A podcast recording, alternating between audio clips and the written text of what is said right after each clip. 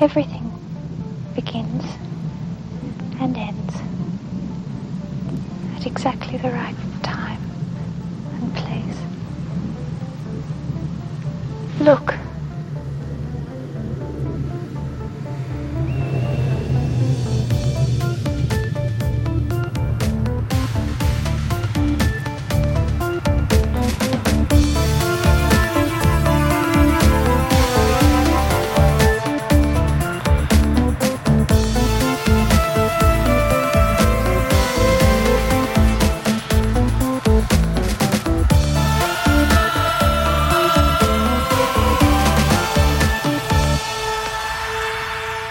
Välkommen till Vacancy, skräckfilmspodcasten avsnitt 118. Som vanligt med mig Erik Nyström. Och med mig Magnus Johansson. Jag lyssnade på föregående avsnitt, eh, vårt andra Arnold special med eh, Terminator och Commando. Mm. Och hör, hör, mig själv prata om folk som gillar nya Captain America-filmen som någon som måste ha förlossningsskador. Kanske lite onödigt uttryckt, eh, kände jag när jag hörde det. Jag får väl eh, ursäkta mig i någon mån med att min ledshet mot Marvel-filmer tog överhanden. Mm. Men jag känner ändå att det kanske jag ska be om ursäkt för, så jag gör det. Yes. Sen fick jag en liten, liten återkoppling på Scream-avsnittet. Ja. Okay. Eh, av en bekant. Ja, just. Eh, för de som lyssnade på det, avsnitt 116, så mindes jag tillbaka på när vi såg den på bio och hur jag eh, kunde speja på den tidigare visningen av filmen genom så här monitorer som satt nere i bion. Mm. Jag fick det i alla fall bekräftat att ja, de satt där. Och eh, de var ju till för maskinisten. Ja, just det. Precis. De brukar ju vanligtvis då sitta i ett rum innanför personalrum, alltså där, eller hos maskinisten där vi inte kan se dem. Ja. Men, att, men att det var så trångt och samtidigt så långt mellan salongerna där nere. Alltså att för att maskinisten inte skulle behöva tränga sig fram genom publi publiken som stod och väntade på att få komma in så hade de placerat dem sådär. Det var som enda lösningen som fanns tycker det eh, fortfarande inte ursäktar att man kan få filmen spoilad i foajén. Nej, nej, nej. Nåväl, i det här avsnittet så ska vi ju, som vi utlovade i förra, prata om flickskolor. Precis. Eh, vi har sett Picnic at Hanging Rock från 1975 och eh, The Falling från 2014. Förutom att de båda utspelas på flickskolor och båda utspelas i dåtid så rör de sig även inom någon slags drama mysteriegenre där det förekommer någon form av svimningar. Precis, exakt. Temat här. Klockrent. Mm. Onekligen. Mm. Picnic at Hanging Rock från 1975 i regi av Peter Weir handlar om eh, det nu spelas eh, år 1900 i Australien. Ja. Eh, och ett, en flickskola, jag tror det är något slags college Mm. Åker iväg på en utflykt till Hanging Rock som är ett, en klippformation eh, ute i eh, obygden i Australien. Under den här vistelsen så försvinner delar av sällskapet spårlöst uppe på klipporna. Mer än så tror jag inte man behöver berätta. Nej, precis. Den är baserad på en, eh, en roman av Joan Lindsay. Mm. Har du samma utgåva som jag? Criterion, ja, jag har Criterion, ja precis. Mm. Då följer ju hela eh, romanen med i pocket såg jag. Ja, exakt. Jo. Eh, jag blev lite sugen på att läsa den. Tänk att det är typisk sommarläsning. Mm. Jag ska försöka läsa. Jag brukar ju läsa böcker baserade på filmen efter jag sett filmen. Eh, det låter ju också som en, en, en roman som ändå folk läser i, i Australien. Tycker jag att det låter som på på extra material och annat. Att de, de pratar väldigt gott om, om eh, just den här författarinnan och, eh, och boken. Ja, jag tror den blev kanske inte en bestseller, men den kanske en eh, kritikerfavorit som ändå nådde, nådde ut till allmänheten i någon mån. Jag tror den kom 67 eller någonting. Och, och det snackades ganska snabbt om att det fanns intresse att filmatisera den. Mm. Den här börjar ju lite grann som, alltså man känner ju att det kommer bli lite, lite läskigt. Någonting kommer att ske som inte är det bästa helt enkelt. För den här förtexten med berget och dimman. Lite olycksbådande menar du? ja, precis. Eh, musiken som har det här ett basmuller som återkommer senare i, i filmen. Eh, det känns eh, ja, olycksbådande definitivt. Men, men lite konstigt utfört kan jag tycka ändå. Med, med liksom egentligen några stillbilder som de liksom fejdar mellan. Ja, över eh, vidsträckta australiensiska landskap. Mm. Ja, precis. Hade den här gjorts med högre budget eller idag så hade det ju varit lite mer liv och rörelse i, i just den där eh, bilden. Men... Det, det, blir lite grann som att titta på vackra tavlor. Ja, precis. Jo, jo precis. Någonting vi säkert kommer återkomma till. Känns det som. I mm. den här filmen framförallt. Eh, och musiken, när vi ändå nämner den som du beskriver, den har det här dova, ganska eh, syntbasmullret eh, och piano, klink och något lite elakare syntackord som kommer in. Mm. Eh, ganska typisk 70-tals filmmusik på ett sätt. Mm. Som väl får klä in mycket av de här bilderna. Mm, precis, jo men den, den sätter ju sin eh, liksom, prägel redan från, från ruta ett och, och fortsätter i förtexterna eh, i övrigt liksom med de här bilderna inifrån den här flickskolan college. Vad heter den? Apple Yard College. Eh, där, mm. där de går. Eh, ja, de här flickorna håller på att bland annat vad heter det, spänna sina såna här korsetter och grejer. Sätter liksom tiden på något sätt. Men också det här oskuldsfulla liksom hos dem med mycket vita kläder eh, som de har. Eh, och eh, ja, det blir väldigt drömskt inne i det här. Ja, men tidigt i filmen helt enkelt. Eh, blir fantastiskt liksom foto och eh, setdesign. Mm. Eh, det är som att den redan även inne i skolan där nästan mer i början än vad den har under andra halvan av filmen de läser strofer ur dikter och lite mer konstnärliga poetiska bildkompositioner där de använder speglar och någon sitter och kammar håret. Mm, eh, den försöker direkt slå an den här, ja, men du nämnde drömsk och det är väl kanske ordet som man först får upp i huvudet när man tänker på Picnic at Hanging Rock. Mm. Ja, de kammar sig där vid spegeln. Där, där får man också vet du, eh, en annan flickskola i huvudet och det är ju Susperia. Eh, med mycket så här blommor och grejer på väggarna liksom. Det är väl enda gången egentligen i och för sig i filmen som jag börjar tänka på den filmen. Eh, men ja, precis. Drömsk eller just att det är på något sätt poetiskt fotat liksom. De har fotat poesi på något vis. Mm. Är ju känslan. Eh, även i, i att, att den är fotad ganska blek. Eh, Mm. Den har som någonting skirt över sig. Ja, precis. Eh, som en tavla igen då. Mm. Och det är väl det som är, ja, som du säger, Picnic at Hanging Rock på något sätt. Liksom. Alla de här fantastiska bilderna och ibland ser den ju ut som gamla, gamla tavlor liksom från, från tiden. Ja, eh, nästan ännu mer när de då slussas ut på den här picknicken. Ja, exakt. Eh, när de sitter i sina jättevita här, viktorianska klänningar mitt ute i bushen. Alltså det är mm. ju ganska otämjda australiensiska landskapet. Eh, och, och, det är ju varmt också så de halvligger och mm. slappar lite grann och har med sig tårta och grejer. Sitter och äter det. Ja, det är ju väldigt, väldigt eh, eh, som, som tavlor liksom. Mm. Hämtat från tavlor.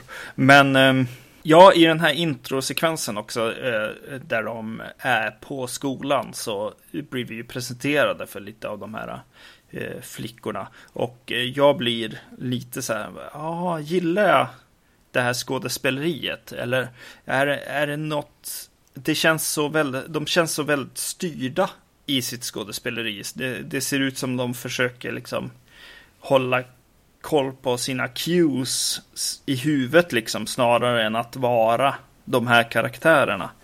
Så jag blev lite orolig den här gången jag såg filmen. Att så här, ja, åtminstone det kunde väl ha fått vara äkta på något sätt. Men ja. Det var ingenting som jag ens noterade eller som störde mig. Nej, okej. Okay. Eh, jag kan förstå vad du menar. Det blir lite mekaniskt. Ja, precis. Men det blir ju det där och då. Eh, mm. Eh, det blir ju definitivt bättre och när de, när de ta sig in i själva filmen. Liksom. Eh, När de åker ut på picknicken eller? Ja, precis. Ja. Mm. Egentligen när det slutar dyka upp namn på skärmen. kanske. Jag blir ändå lite förvånad över hur snabbt den... Jag vet att det här är en film som är lite längre. Den här, det finns lite olika versioner av den. Något vi kanske kan återkomma till. Men den här klippningen som jag såg var väl eh, inte två timmar lång. 1.50 någonting. Mm. Ehm, så jag, tänk, har, men jag, har alltid, jag har sett någon längre version av den tidigare. Men jag har alltid i huvudet att det här är en ganska lång film. Ja. Jag blir alltid lite förvånad över hur snabbt de åker iväg på den här picknicken. Ja, just det. Mm. Det är ganska raskt de hamnar i den här häst, häst och vagn och åker iväg och har det här sommarslöa hängandet i, i gräset egentligen nedanför klippformationen. Så jag blir lite förvånad när de ganska snabbt ger sig iväg, delar av dem på den här ödesdigra lilla expeditionen upp bland klipporna. Mm. Att vi är där så pass snabbt och, och sen får hela den sekvensen ta god tid på sig. Mm. Och det är jag väl eh, samtidigt ganska tacksam för eftersom det är ju när den kickar igång när, när, när kameran får hitta dels de här tavlorna och bara svepa runt lite grann i, i vildmarken och i klipporna och i skogen som är nedanför. Eh, och musiken verkligen får jobba på högvarv. Eh, och den har det här ordentligt eh, suggestiva, poetiska. Det är då den för mig är som bäst. Ja, precis. Jo, absolut. Det är nästan lite synd att den kommer till sitt, till sitt esse så tidigt. Ja, det håller jag med om. Definitivt. Det, den är väldigt, väldigt väl genomförd här i det här mystiska och drömska liksom. Och eh, hur den så snabbt sätter upp saker som, som den här Sarah-karaktären som får läm- eh, vänta eh, på, eh, på skolan och får inte följa med. Mm. Och eh, den här andra karaktären som det som handlar om på ett sätt. Mi- Miranda. Miranda ja, säger åt henne att du, du måste lära dig att älska någon annan Sarah. Utöver mig. För jag kommer inte vara här mycket längre. Säger hon i början. Mm. Eh, väldigt fin, fin scen. Definitivt. Jag gillar verkligen eh, den grejen. Att man, man får liksom föraningar och, eh, och om temat i filmen på ett sätt också. Genom sådana saker och genom när de till exempel har passerat stan. Eh, Det är först då som, som alla, alla tjejerna här börjar ta av sig sina handskar. De får ju liksom tillåtelse av, av eh, men lärarinnan som följer med. Att ja, men nu är det nog okej om ni tar av er handskarna. Precis, nu har vi åkt förbi männen. Mm. som eh, som i, inte ska få se alldeles för mycket av er. Liksom. Eh, Av eran hud. Liksom. Eh, du nämner även den här Miranda som är på något sätt navet åtminstone under första delen av filmen. Mm. Eh, Hon har ju inte jättemycket att göra annat än att gå omkring. Ja, Men vilken bra casting det är. ja jo, definitivt. För hon har nästan det här över, övermänskliga utseendet. Det är nästan som en alv på ett sätt. Att hon Ja, inte är av denna världen. nej, precis. Väldigt vacker och det är svårt att beskriva ett utseende som inte riktigt känns mänskligt samtidigt som hon är en vanlig liksom 20-åring. Mm, precis. Men hon har några kvaliteter som är nästan, nästan lite övernaturliga i utseendet. Ja, precis. Och det där hittar de ju tydligen väldigt sent när de gjorde filmen. Eh, De hade redan castat en, en eh, skådespelerska. Men hittade den här eh, skådespelerskan.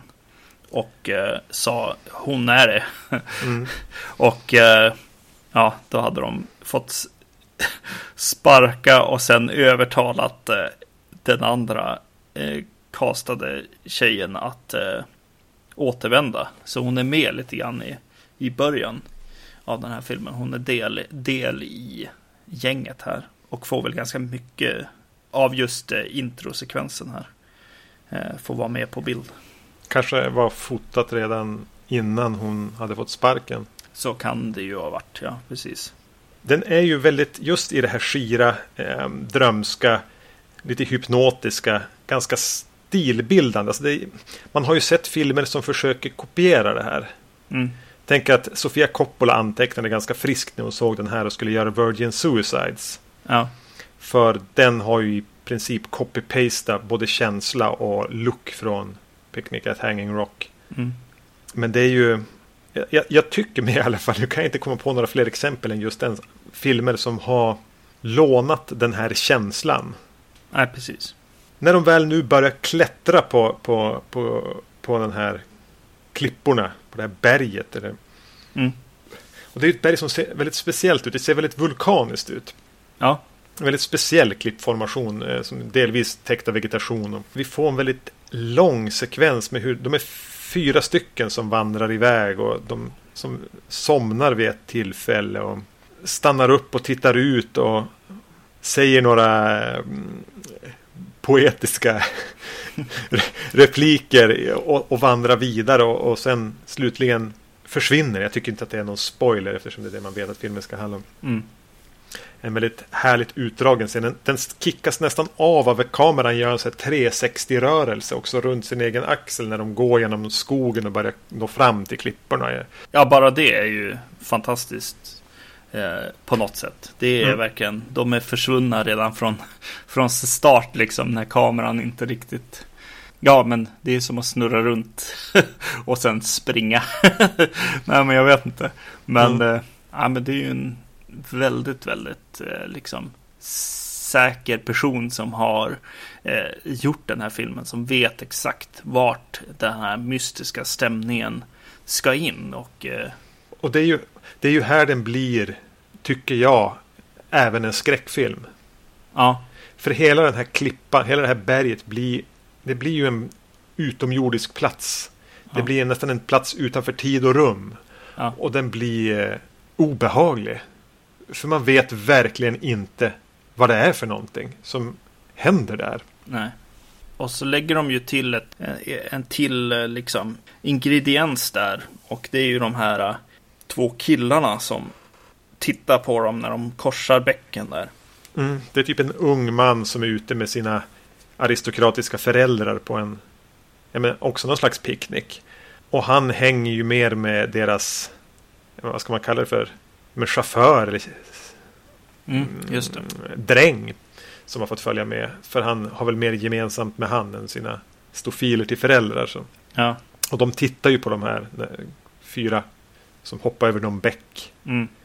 Ehm, Och det blir väldigt hotfull stämning för mig i alla fall. ja, Att så här, ja, de här männen är ju väldigt, eller pojkarna, eh, grabbarna är ju väldigt, väldigt intresserade väldigt snabbt av det här också. Och, eh, eh, och man vet inte riktigt liksom. En, en är väldigt så här uttalad, vad heter han? Eh, den här drängen eller vad han är. mm, Eh, och pratar om ja men den där vill man ju ligga med och sånt. Och eh, den här andra eh, aristokratgrabben.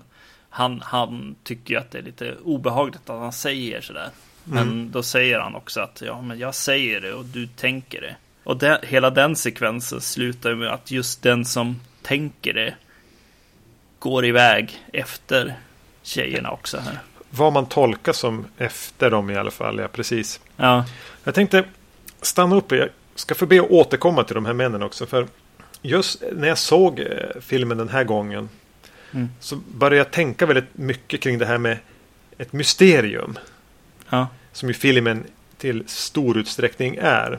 Mm. Och att eh, hela konceptet med att göra en film som är ett mysterium. Jag undrar om det finns någon film som gör det bättre. För eh, det bästa med ett mysterium är ju när man är mitt uppe i det. Man blir lite hypnotiserad av det. Man letar ledtrådar i, i den här och sitter och tänker men vad kan det vara?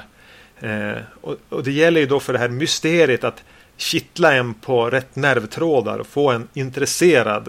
Inte få en att känna jaha det är, det är så här eller jaha det är den här typen av mysterium. Utan att filmen alltid ska vara eller berättelsen några steg före en. Mm. Det skapar ju en väldigt speciell känsla när man får sitta och gissa och bara vilja veta mer. Ja. Lite grann som var konceptet med, med Lost. Ja, precis. Just. Eh, och, och sen var det väldigt många som blev besvikna på Lost för de tyckte inte att de fick de svar de ville ha eller svar på allt. Mm. Och jag har ju alltid varit lite försvarare av Lost och säga "Ja, men var det nödvändigtvis det man ville ha? Var det inte hela tjusningen med att vara mitt uppe i det här mysteriet? Mm. Och det är det jag tycker att Picnic at Hanging Rock gör så bra. Eller för mig i alla fall. Den fångar upp mig och låter mig bara hänga i det här. Var inte meningen att göra någon vits där med hanging och hänga. eh, mysteriet hela vägen igenom. Ja, ja precis. Och det, det är allt på samma gång också. Ja, Alla svar och alla frågor på samma gång liksom. Klock, klockor som stannar. Eh, de här poj, eh, pojkarna liksom som tittar efter dem. Eh, musiken egentligen. och lite av de här, det de läser också, de här dikterna de reciterar med att vara på precis rätt plats vid precis rätt tillfälle. Ja. Är det någon som säger någonting om, parafraserar det även. Ja, precis. Och någonting som har väntat på dem i miljoner av år. Mm. Bara på just dem. Eh, mm. Den skapar det här nästan episka, näs- nästan Lovecraftiska. Mm. Men samtidigt satt jag och tänkte nu bara, ja, men kan jag se den här filmen? Eh, och nu ska jag återkomma till de här unga männen. Är det bara de här två männen som, som eh, slår ihjäl dem? I ett försök att, jag vet inte, få ligga med dem. Ja, det är det ju. Går det att läsa filmen så? Ja, det, det tycker jag nog att det går. Ja, Och det gör nog en del liksom. Eh, för, för det finns ju väldigt, väldigt tydliga liksom, ångerkänslor liksom, på något sätt. Eh, eller, eller ansvarskänslor mm. eh, kanske. Det, det beror på hur man, hur man ser på det kanske. Och de pratar men pratar inte riktigt med varandra liksom och sådär. Eh, om det här. Och hur de känner om vad som har hänt. Snarare än om vad som har hänt. ja. Eh, på ett jätte, jättesnyggt sätt som gör just att så här, mysteriet bara får, får ännu mer liksom, kol eh, till elden. Liksom. Eh, Och för det som händer är ju sen att de här två männen efter de har försvunnit och ingen verkar kunna hitta dem så letar de lite på egen hand och kommer kanske närmare någon annan. Men vad står det för? Mm. Ja, exakt. De kanske till och med vet vart de är, ja. Precis. Ja, det vet man inte. Eh, och så är det en av de här som, som blir vettskrämd och springer iväg. När, när det händer liksom. Hon är med i ögonblicket men minns inte riktigt. Och ser en massa väldigt intressanta och mystiska saker som, som går åt det övernaturliga å ena sidan och åt den andra sidan liksom väldigt, väldigt mystiska omständigheter liksom när, när den här Miss McClaw möter henne på vägen och, och har inte sina, sin kjol på sig eller vad det är. Precis. Mycket, mycket spännande och, och just att de sår en massa sådana grejer. Och det är hur bra som helst. Och jag gillar verkligen när de, vissa saker med, jo, att försöka lösa det här problemet, alltså polisens arbete och, och liksom eh, flickornas oro och, och sådana saker gillar jag verkligen. M- Men det känns som att filmen går in i någon slags dramasektion, eller vad man ska säga, med just det här colleget och Mm. hur, det, hur det liksom påverkas och, och hur hon ägarinnan eller vad hon nu har för roll liksom eh, börjar eh, räkna pengar och tappa elever och, och sådana saker. Det kommer en, en, en bit där i, i filmen som liksom Ja, men det är ju inte lika fascinerande. Jag tänkte Nej. på precis. Jag kan inte säga att det är dåligt. Mm. Men, men jag kan omöjligt bli lika fascinerad av de bitarna som eh, när, när jag just har fått uppleva det här nästan eh, religiösa upplevelsen på, på den här klippformationen. mm. Det blir så svårt att riktigt engagera sig i det då. Och att jag till så stor del sitter kvar. Jag vill få mer brödsmulor om det här mysteriet. Mm. Jag kanske inte vill ha svaren, men jag vill få lukta lite mer på det. Ja, precis. Men en annan sak jag tänkte på när, jag såg den nu var att du minns att eh, för några år sedan på podden här så det var ett av julavsnitten så såg vi Wake in Fright. Mm. Ja, en annan, aust, annan australiensisk film. Mm. Och och nu kanske jag är fånig som gör kopplingar mellan de här två filmerna. Men den handlar ju om en Den utspelas väl då den, då den är inspelad typ tidigt 70-tal. Mm. Av en akademiker, han är lärare som liksom blir strandad ute på vischan i, i Australien och, och, och verkligen hamnar i en mörk spiral. Där han håller liksom på förgörs av det förvildade i Australien. Mm. Medan han får liksom representera någon, någon slags civilisation. Och de här flickorna eh, är ju britter på ett annat sätt. Alltså de är ju där, många verkar ju egentligen bo i England men är placerade på skolan här av, alltså på internat. Ja. Eller de har i alla fall täta, eh, tät anknytning till, till kolonialherrarna i, i England. ja, precis. Och att det här är lite samma sak. Alltså de, de eh, eh, civiliserade britterna som blir liksom bara slukas upp av, av den australiensiska vildmarken. Ja. Att de på något sätt bara försvinner in i den. Vilket ju karaktären i Wake and Fright gör. Fast på ett helt annat sätt. Mm, mm, mm. Så jag, det finns ju någon slags någon, någon symbolik i det också. Eh, handlar den här om Australiens relation till sin... Alltså de var ju tidigare kolonialstyrda. Mm. Och hur de på något sätt ville ha en egen identitet och slå sig fri från de här aristokraterna på, eh, i, i kungariket England. Mm. Alltså det finns ju definitivt någonting. Där känns det ju som. Eh, Med de här två männen. eh, Eller grabbarna eller vad man ska kalla dem. Eh, de, deras liksom relation till liksom bara naturen eller naturens gång. Kanske sex och annat liksom. Mm. Det, det är ju lite vildare liksom. Och det, det är ju det de går ut i också. kv- Kvinnor eller tjejerna här. Ja, att de går ut i det vilda liksom. Ut i någonting som, som inte är skyddat liksom. Mm. Och det finns, alltså, vi har inte ens pratat om all, alla de här upp, sexuella undertonerna som finns. Nej, precis. Nej, men det gör det ju Precis. definitivt. Hur mycket som, eh, det blir, ska du göra en film som utspelas på en flickskola så hamnar du där på ett eller annat sätt. Det blir sexuella undertoner. Ja, precis. Någonting jag reflekterar över också. Eh, det är ju att det är, vad heter den? The Birth of Venus, eller vad den heter. Tavlan. Mm. eh, dyker ju upp här i, i början i en bok som de tittar på. Och eh, han, eh, en av grabbarna, stallpojken eller vad man ska kalla honom för, som för övrigt spelas av den här läskiga snubben i Wolf Creek. Ja, är det han? Ja, jo. Alltså det blir all... Alltså hur få skådisar hade de att tillgå i Australien? ja, exakt. För de dyker ju alltid upp liksom igen. Jag såg... Eh, har du sett Walkabout? Nej, jag har inte sett den. De pratar om den eh, som någon slags inledning till, till den här. Någon slags revolution. Ja, den var väl viktig för, jag tror, australiensisk film. Ja. Eh, I den så är det ju några barn som hamnar ute i, i, i öknen och, och får assistans av en så här ab aboriginal. Mm. Så barnen kommer jag inte riktigt ihåg. Undrar om inte Jenny Agutter som spelar sjuksköterskan i eh, American Werewolf in London är en av stora systern. Skitsamma. Eh, de två vuxna rollerna som är med där egentligen. Eh, dels deras pappa som går åt väldigt tidigt i den filmen och den här Aboriginals. Eh, båda de är med i Crocodile Dundee. Så här, säg en till australiensisk film. Ja. Eh, Pappan spelar, är han som är han, hans bästa kompis, den här lite äldre farbrorn. Och Aboriginals är ju den där ab, Aboriginal som de träffar i Crocodile Dundee. Ja. Så var när jag såg den, men det, det, det var typ tio skådespelare i Australien på den här tiden. Ja, Och det verkar vara fortfarande vara samma då om han från Wolf Creek var... Precis. Eh, Han är ung här, alltså han är riktigt ung. Ja, det är han ju. Eh, Men han har för övrigt eh, också eh, en tatuering av den här eh, tavlan på sin arm i filmen.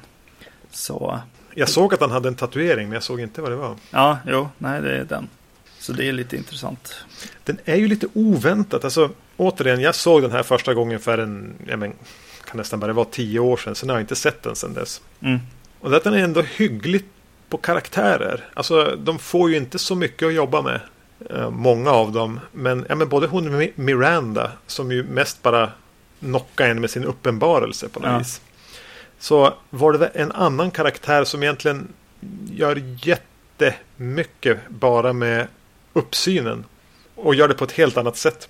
Och det är den här polisen. Ja, ja, så bra han är. Ja, men han är helt fantastisk. Han Mm. har inte mycket Han blir väl på något sätt ansvarig för utredningen. Ta reda på vad har hänt. Nu har jag tappat bort liksom tre, fyra viktiga britter här. Mm.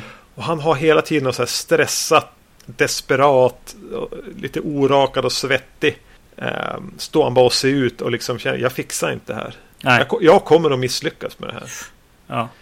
Och han gör det så fruktansvärt bra. ja, han är otroligt bra. Ja. Eh, med, med väldigt små medel. Ja, precis. Och igen så, alltså setdesign och kläddesign och sånt, alltså det berättar ju hela historien också. Tydligen hade de någon, någon artistsnubbe s- kopplad till det här som, som verkligen hade djupdykt i, i den här eh, romanen. Eh, som liksom verkligen bara la alla karaktärers grejer i lådor och, och sånt. Så att de verkligen var i den världen liksom. Eh, Och, eh, och just hur de, hur de gör liksom. Ja men till exempel han polisen. Att han, hans uniform är hela tiden lite smutsig liksom. Eh, det går, eh, det går inte liksom bli av med det här på något sätt. Du är i dammet här. Du kommer alltid att vara smutsig. Ja, precis. Även om du är, representerar lagens långa arm. Mm. Och hans eh, eh, fru va, som försöker hålla upp eh, humöret för hans, hans skull liksom. Men hon ser honom liksom falla sönder lite grann, känner ju jag. Är det någon jag är nyfiken på om jag ska läsa boken så är det ju just polisen. Mm, mm. Eh, Jag får en känsla av att det är en karaktär som är större i där. Ja. Eh, Men på, då, på tal om karaktärer. Hon som eh, Mrs Appleyard heter hon väl. ja, just det. Hon som är då rektor på skolan. Fungerar ju tyvärr inte tycker jag.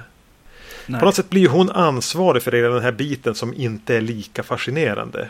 Det vill säga li- li- liksom när så fakultetsintriger på skolan. Och hon ska ju vara den här onda karaktären på ett sätt som bara bryr sig om, om sin skolas rykte. Mm. Men till skillnad från många andra karaktärer som med små medel kan jag få, ge lite liv och nyans så blir hon bara det. Hon blir en, hon blir en pappkartong.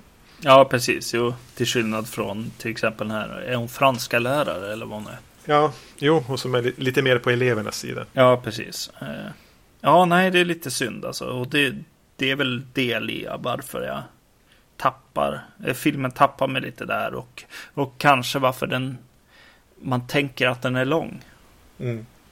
För eh, den blir ju det när man ser den. Men när man... Och, men, att minnas tillbaka på Picnic at Hanging Rock är ju ofta mycket, mycket bättre än att se hela filmen.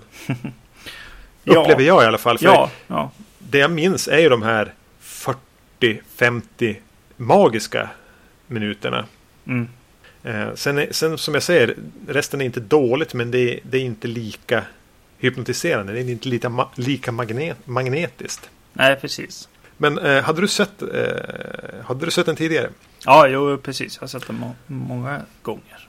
Minns du om du har sett någon av den, den längre klippningen då? Ja, jag har nog sett en längre klippning någon Ja. gång. Ja. Jag tror också att jag har gjort det. För det här är ju Directors Cut. Alltså han har, Peter Weir fick ju möjlighet att trimma ner den till en som han tyckte hade ett bättre flyt än en Mm. version som är nästan är 20 minuter längre. Jag vet inte var det är klippt. Jag vet att det är ett annat slut. Ja, jag kommer inte ihåg. Här väljer den att lägga in, lägga in vissa saker i slutet som text istället för att visa det i bild. Bland annat. Ja, okej. Ja, jag minns tyvärr för lite av det. Mm. Ja, det skulle vara kul att se. Det går väl ganska säkert enkelt att läsa sig till vad som är bortklippt i sådana fall. Mm, mm. Ja, det blir en sån där film som blir så här en väldigt, väldigt varm rekommendation. Men också... ah, Ja, Med vissa reservationer. ja, precis, exakt. Jag satt och tänkte så här, är det bara att så här, jag gillar det mystiska, lite så här läskiga elementen och så, och så blir jag så här det blir eh, kostymdrama liksom. Men nej, jag tror inte riktigt det heller. Ett bra kostymdrama är ju bra fortfarande liksom. Sen kanske de inte riktigt mixar så bra. Mm, mm. Ehm, kostymdramat eh, på skolan om rädsla att tappa elever och mm, släta över saker som har hänt hade kanske fungerat som en film. Eh, om det hade varit något mindre fantastiskt som hade hänt de här eh, eleverna som försvann. Ja, när, när det möter ett, liksom ett mästerverk samtidigt i samma film. Liksom. Ja. ja, då blir det lite svårt. Ja, eh, ska vi gå vidare till The Falling från 2014 då? Ja. Manus och regi Carol Morley. Inget eh, household name kanske. Gjort någon eh, dokumentär, eh, någon tidigare spelfilm och kortfilmer vet jag. Mm. Men ingen, ingen som jag någonsin hade hört talas om innan, innan. Jag tror det var du som föreslog den här filmen. Den någon känner till från den här filmen är ju Maisie Williams från Game of Thrones. Mm. Och jag tänker att vi kommer få anledning att återkomma till, till henne. Ja, precis. Mm. Nämnas bör väl också att eh, Streampunk har recenserat den här alldeles nyligen. Beroende på när vi nu släpper det här avsnittet. Ja. Eh, jag har inte lyssnat på det så jag har ingen aning om vad de tycker om. Jag ska lyssna på det efter jag har, vi har spelat in det här. Ja, jag gjorde samma sak så jag vet mm. inte heller. Vad handlade Falling om? Jo, eh, den utspelar sig även den då på en flickskola. Eh, året är 1969 och vi befinner oss i England. Och kretsar kring två bästa kompisar. Där den ena börjar drabbas av svimningar. Händelseförloppet tar en smått tragisk utveckling och snart börjar de här svimningarna sprida sig över hela skolan. Utan att någon riktigt verkar kunna förklara varför. Och en av de här unga flickorna spelas ju då av Maisie Williams. Du har en relation till Game of Thrones. Det har inte jag. Jag har, inte, jag har bara sett första halvtimmen och gav upp. Mm. Eh, första halvtimmen av första avsnittet på första säsongen. Ja. Ska vi redan här då prata om Maisie Williams? ja, det är väl hon som, som drar folk till den här filmen. Kan man väl säga. Eh, definitivt. Eh, och eh, ja, vad ska vi säga om henne? I Game of Thrones så är hon ju en av de läskigaste personerna. tycker jag, det tycker då inte, inte så många kanske, men hon, hon får tidigt ett eh, svärd som är så här ett eh, väldigt litet, needle kallar hon det, eh, som är väldigt, väldigt tunt eh, mot för alla andra svärd. Alla andra har ju så här medeltida, typ tvåhandssvärd och grejer. Men hon har, hon har liksom en, vad heter det? Var det en värja eller så här, florett? Ja, precis. Och när hon, när hon väl börjar döda folk i den serien så bara trycker hon in den på läskiga ställen väldigt, väldigt, väldigt långsamt. Så här, eh, Lucio Fucci långsamt liksom. och så sen ut igen. Och så bara, ja, det blev en liten punktering liksom men du dör. Alltså, nej, det är läskigt. så jag ty tycker alltid att det är bara, uh, jag tänker på svärdet mer än vad jag tänker på karaktären. Ja, ja. För jag, jag har ju då som sagt var ingen relation till hennes, hennes karaktär där. Jag vet att hon spelar någon som heter Stark som, som Iron Man. Um, men jag tänkte jag ska försöka yes smörja Marvel-fansen lite grann nu efter min kränk i förra avsnittet genom att göra en referens yes. själv. Jag tycker, att hon är, jag tycker att hon är behållningen med den här filmen. Mm. Jag tycker att hon är skitbra. Ja, okej. Okay. Ja, vad roligt. Vad tycker du? Ja, alltså jag, jag får inte riktigt grepp på henne till att börja med. Ja, jag tittar ju på henne som den här karaktären från, från Game of Thrones, eller snarare skådespelerskan. Och, och blir väl så här lite kanske lite för så här, ja vad ska man kalla det, faderlig. Nej men, jag bara, åh, hoppas det blir bra liksom. Och då blir jag kanske lite överanalyserande liksom.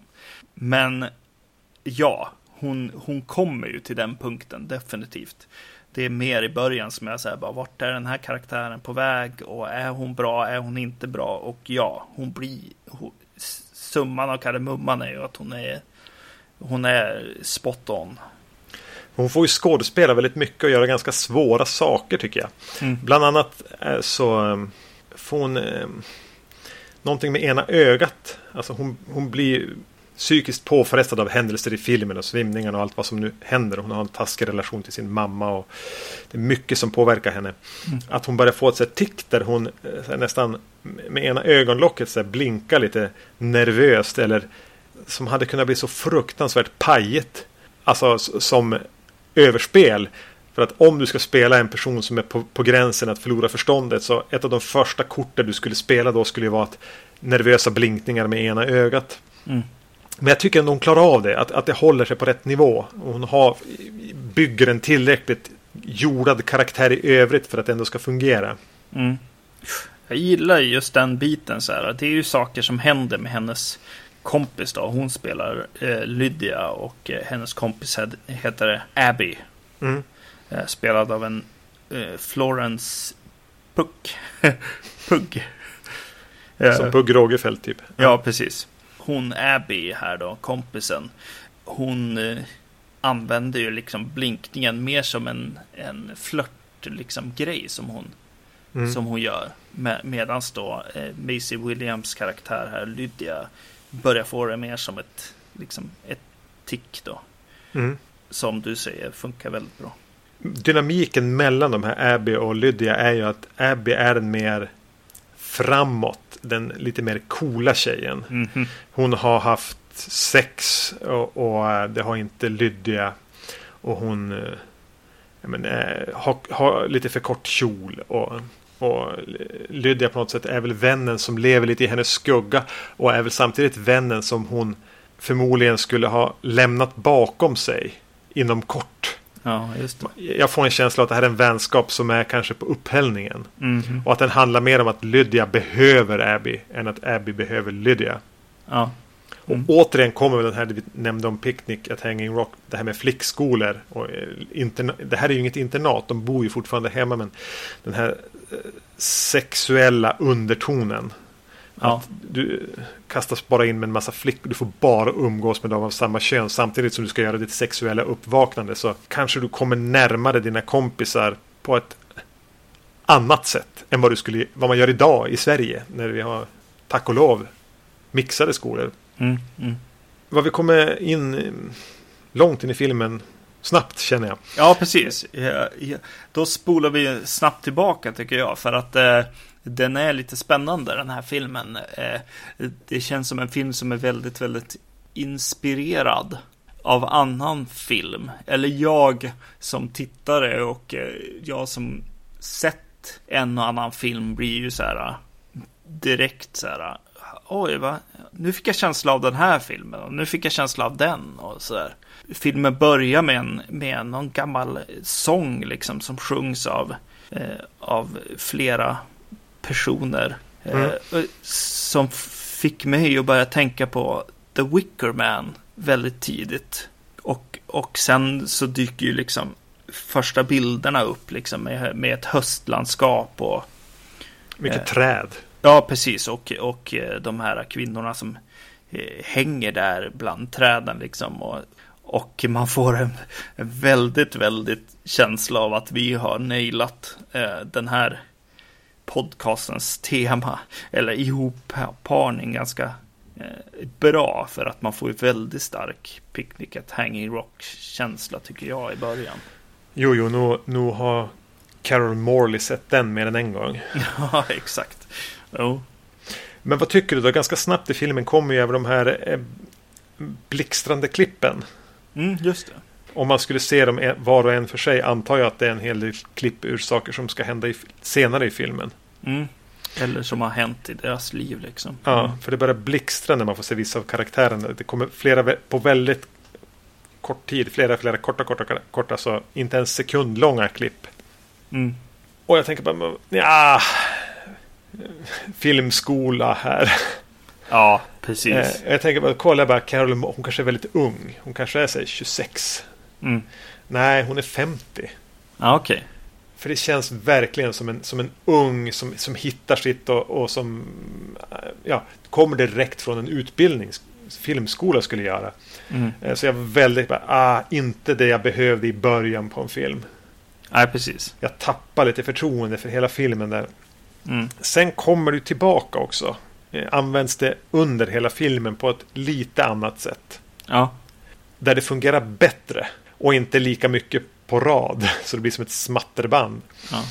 Eh, Och då kan jag väl, när jag tittar tillbaks på det och sett hela filmen. Ja men kanske okej, men förmodligen inte. Jag skulle inte ha, ha haft den där klippidén i början. Nej, precis. hur roligt det säkert än var att få välja ut varje enskild bild. Mm. Det är kanske att jag har sett liksom Hanging Rock här alldeles nyligen liksom. Men eh, jag, jag börjar liksom väva ihop de här filmerna väldigt, väldigt starkt. En, en av de här eleverna till exempel eh, som den här eh, lite häftigare kompisen Abby retas lite med så här. En tjej som känns nästan lite yngre än de andra med fräknar och så. Mm, det känns som hon så här. Den präktiga elevrådsordförande tjejen på något vis. Ja, precis. Eh, som jag blev så här i början. Bara, ja, men är hon också? Är hon lite, lite som den här Sarah karaktären liksom. Att man, man ska få lite känsla av att hon kanske är eh, lesbisk. Mm. Men, eller är hon bara pryd och så. Och så börjar jag komma in i det. Men sen så. Ja, det blir ett svårt, svårt eh, fall den här filmen på något sätt i, i att så här, jag blandar ihop den liksom. Jag börjar se andra filmer, så här, Wickerman och annat liksom. Istället för att se den här filmen. Och det är lite det den, jag tycker att den säger mot, mot slutet. Bara, ja, men såg du verkligen den här filmen?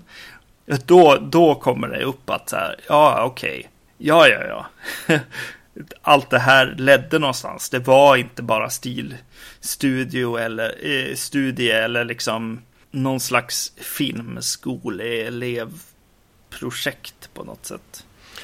Mycket känns väldigt till stora delar av filmen, eller till viss del av filmen, kanske halva filmen ändå om jag ska vara snäll. Mm. Självmedvetet hela tiden. Eh, ja, precis, exakt. Många av lärarna eh, blir karikatyrer i stora delar av scenerna. Sen kan de få ärliga, riktiga scener, men mycket blir de bara de här jätteskrivna, strama vuxenlärarna på ett sätt som inte alls är jordat eller landar. Mm det känns väldigt, väldigt självmedvetet. Ja. Um, och det blir problematiskt. Den blandar och ger väldigt mycket. Och som du säger, den lånar. Eh, den lutar sig mot Picnic at Hanging Rock. Och man kan ju känna igen annan brittisk film i den också. Det finns, alltså, det finns den här med Malcolm McDowell som heter If. Jag vet inte om du har sett den? Ja, precis. Nej, jag har inte sett den. Mm. Eh, men den, man, får, känner åtminstone vittringen av den. Mm. Tänkte du på att klockorna stannar i den här filmen också? Ja, precis. Exakt. Det var väl en scen de hade kunnat skippa kanske? Ja. För den, den, den hör inte hemma här. Nej. Eh, något annat som inte hör hemma i The Falling är, tycker jag är musiken. Eh, den verkar vara gjord av någon eh, singer-songwriter. Finns säkert ett namn om man vill ta reda på det. Mm. Som, som, som bjussar på, på, på, lite låtar. Någon kvinna som sjunger lite mm, uppenbart nyinspelade stillsammare låtar på mm. piano och gitarr. Men eh, jag skulle inte ha valt det här. Men nu, nu, nu, gör man en film 2014. Man vill att den ska utspelas 1969. Jag skulle antingen ha valt någon musik från den tidsperioden. Man hade kanske inte behövt ta de mest kända Beatles-låtarna eller någonting. Utan plocka upp låtar som du tycker passar tematiskt eller med den känsla du vill förmedla. Men låt dem vara från den här tiden ungefär. Oh. Eller gör ett mer tidlöst score till den. Ah. Mm. För jag gillade inte alls låtarna som kom in och fick mig att tänka. Ja, men, en eh, modern musikstudio 2014. Med någon up and coming. Förmodligen aldrig någonting som kommer att slå stort artist. Exakt. Nej, det blir väldigt underligt. Eh, jag tänkte tidigt att ja, men när utspelas den här? Eh, men det, det löste sig ju efter, efterhand. Mm. Men inte tack vare musiken, nej.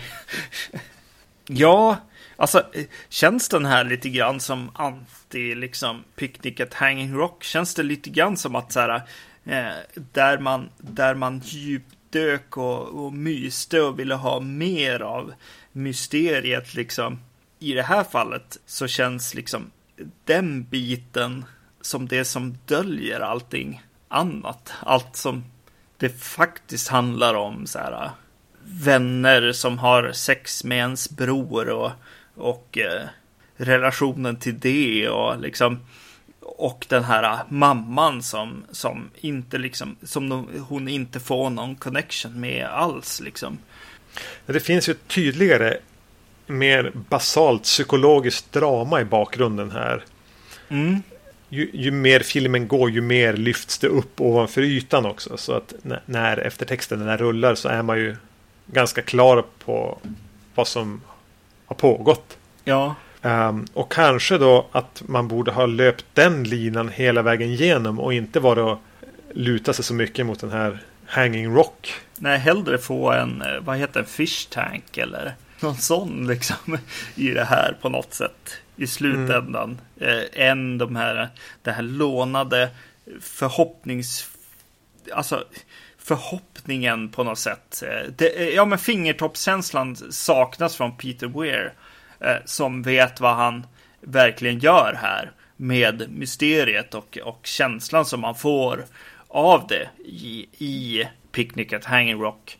Eh, det finns inte riktigt där, utan det blir mer av en så här, ja men vad är det här och vad vill de egentligen prata om? Och jag, jag satt och så här bara, ja men handlar det bara om att bli liksom vuxen eller orgasmen eller jag blir som de här vuxna som börjar så här eh, luta sig till så här gammal hedlig hysteri liksom. Ja.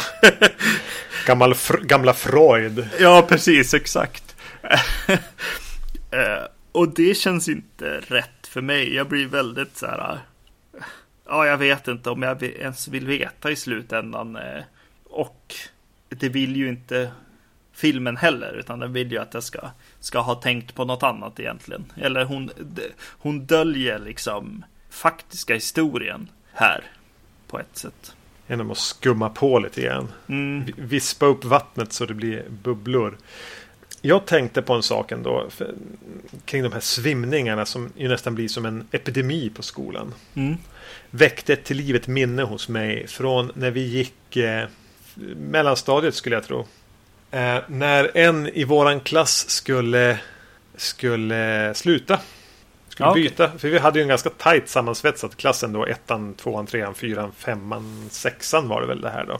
Mm. Men när vi skulle börja eh, flyt, flytta då för sjuan när vi skulle byta skola så fick vi veta att en som hade gått med oss hela vägen skulle sluta.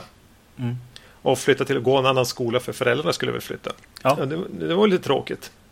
Men det startade på något sätt en sån här gråtsession ja. i, i typ kapprummet bland, bland eh, flickorna i vår klass. Vi, vi killar är ju för alldeles för, för självmedvetna för att kunna gråta inför andra om vi inte har gjort oss jätteilla. Så att vi tappar mm. kontrollen. I alla fall så var det väl så när man var 12. Mm. Som på något sätt smittade. För jag tror inte de var så där ledsna över det. Utan att det blev det här någonting att, att kroka i. Någonting som det blev en gemenskap och det var en känsloyttring och det var en slags masspsykos nästan. Mm.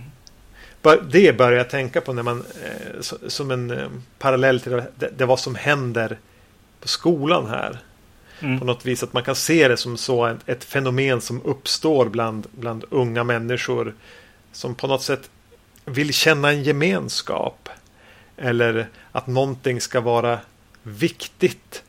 Eller att på något sätt vara någonting som vuxenvärlden inte förstår sig på. Ta ut ett avstånd. Kanske genom att sitta tio stycken i ett kapprum och gråta hysteriskt. Eller att man börjar svimma vid märkliga tillfällen i liksom kluster. Mm. Det tänkte jag på kring svimningarna. Just det. Och någonstans tror jag filmen vill prata om ändå de här grupppsykologin slash masspsykosen som kan uppstå i, i sådana här människor som tvingas umgås väldigt tätt, väldigt stor del av deras vakna tid. Mm, mm. Ja, det är roligt att du säger just det där med att äh, ja, äh, ja, Elin hette hon. Mm. Äh, eller heter hon. en av mina absoluta bästa kompisar liksom. Och, och jag var ju också tyckte att det där var väldigt, väldigt jobbigt också, fast på mitt eh, sätt där.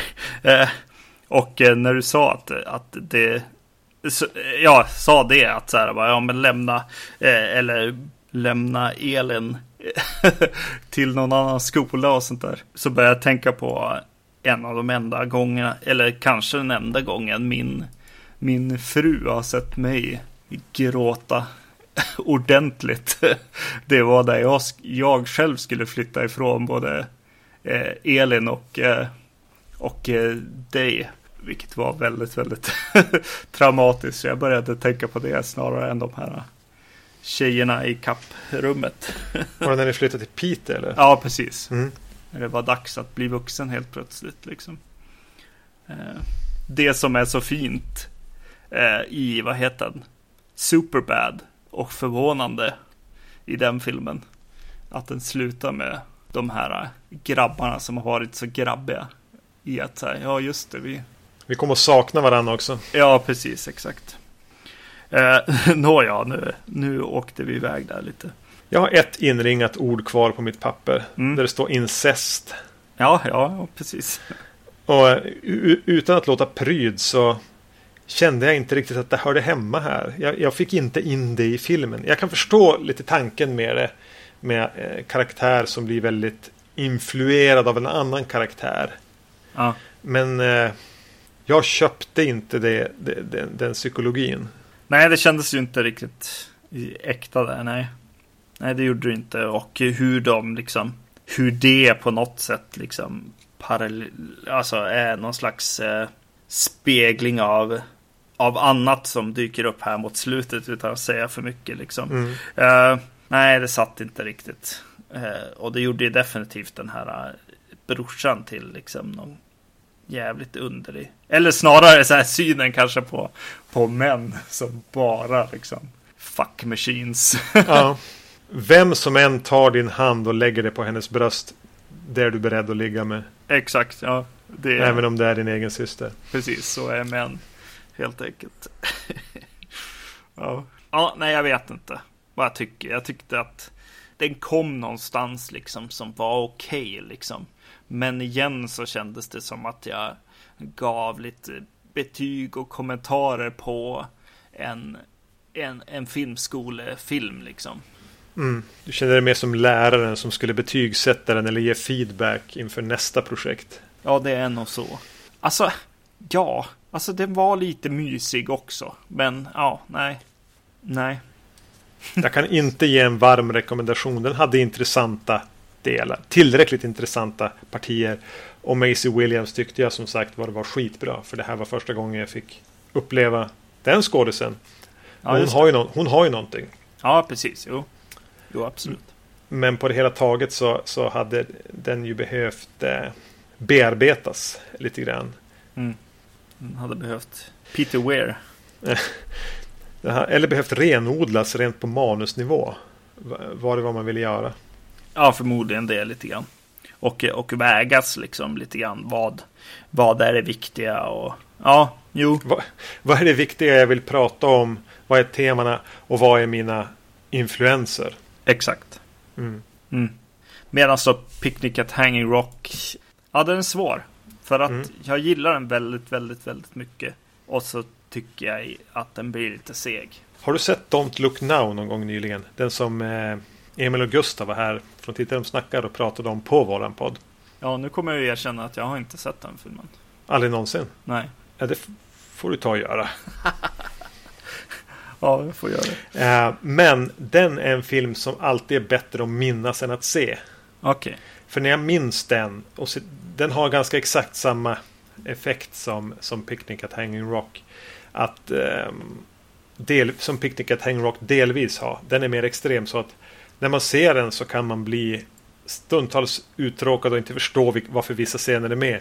Men det är som att de scenerna trycker på vissa knappar. Så när helheten är klar och, och man har fått sova på den så är den jättebra. Men den är aldrig jättebra när du ser den. Nej. Picnic at Hanging Rock har ju de här magiska bitarna. Ja. Och sen har de de här man får överseende med inte är lika bra. Men vilket gör att när man minns tillbaka på den så blir den ändå... Tenderar i alla fall jag att minnas det som är riktigt bra med den. Just det. Det är som gangsterbitarna i en David Lynch-film. Liksom. Ja. Ja. ja men du, nu har vi med de senaste räckan avsnitt säkert lyckats alienera alla våra lyssnare. Ja. Vi har gjort två gånger Paradise Lost.